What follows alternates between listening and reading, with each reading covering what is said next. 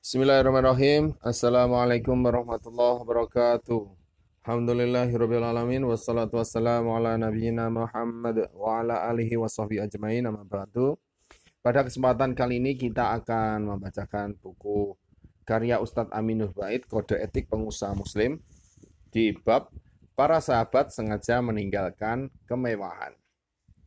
Allah berfirman menceritakan kondisi penduduk neraka. Ketika mereka melihat neraka, dikatakan kepada penduduk neraka di surat Al-Ahqaf ayat 20 yang artinya kami telah menghabiskan kenikmatan kalian di kehidupan dunia kalian dan kamu telah bersenang-senang dengannya.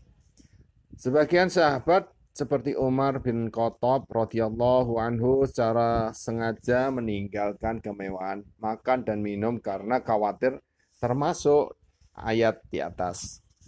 Al-Hafidh Ibnu Kathir mengatakan Amirul Mukminin Umar bin Khattab radhiyallahu anhu lebih memilih untuk meninggalkan makanan dan minuman yang lezat.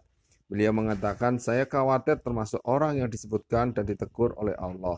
Kemudian Kalian telah menghabiskan kenikmatan kalian di kehidupan dunia kalian dan kamu telah bersenang-senang dengannya. Tafsir Ibnu Kathir 7 284. Diriwayatkan oleh Imam Malik dalam Al-Muwatta bahwa Umar pernah bertemu Jabir bin Abdullah membawa daging yang banyak. Apa ini? Tanya Umar. Wahai Mirul Mukminin, kami termasuk orang yang doyan daging. Lalu kami beli daging ini senilai satu dirham, jawab Jabir. Apa yang telah kamu pikirkan dengan ayat ini? Kemudian Umar menyebutkan surat Al-Ahqaf di ayat di atas disebutkan di dalam Al-Muwatta 1742. Subhanallah meninggalkan kemewahan dunia karena khawatir itu bisa mengurangi nilai amalnya. Disebutkan dalam riwayat Bukhari bahwa Abdurrahman bin Auf pernah mendapatkan hidangan puasa yang isinya banyak makanan.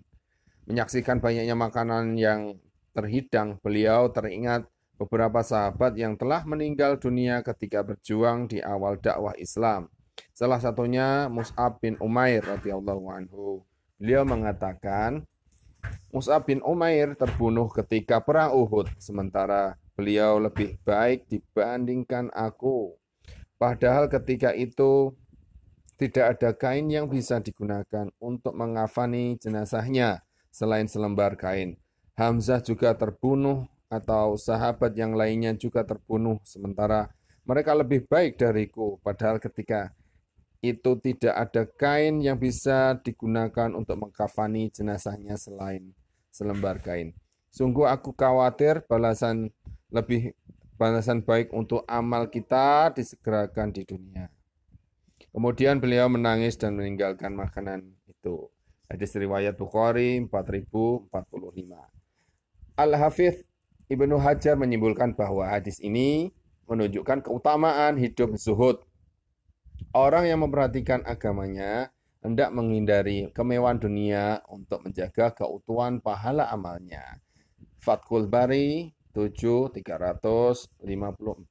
Allahu Akbar. Mereka lah generasi yang paling mengkhawatirkan keselamatan amalnya. Mereka ingin agar pahalanya utuh di akhirat sampai mereka takut Jangan-jangan di dunia melimpah yang mereka dapatkan akan mengurangi jatah pahalanya di akhirat.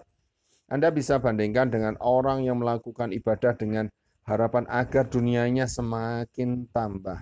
Rajin sholat tahajud agar karirnya semakin baik, rajin sholat duha agar rezekinya lancar, dan seterusnya.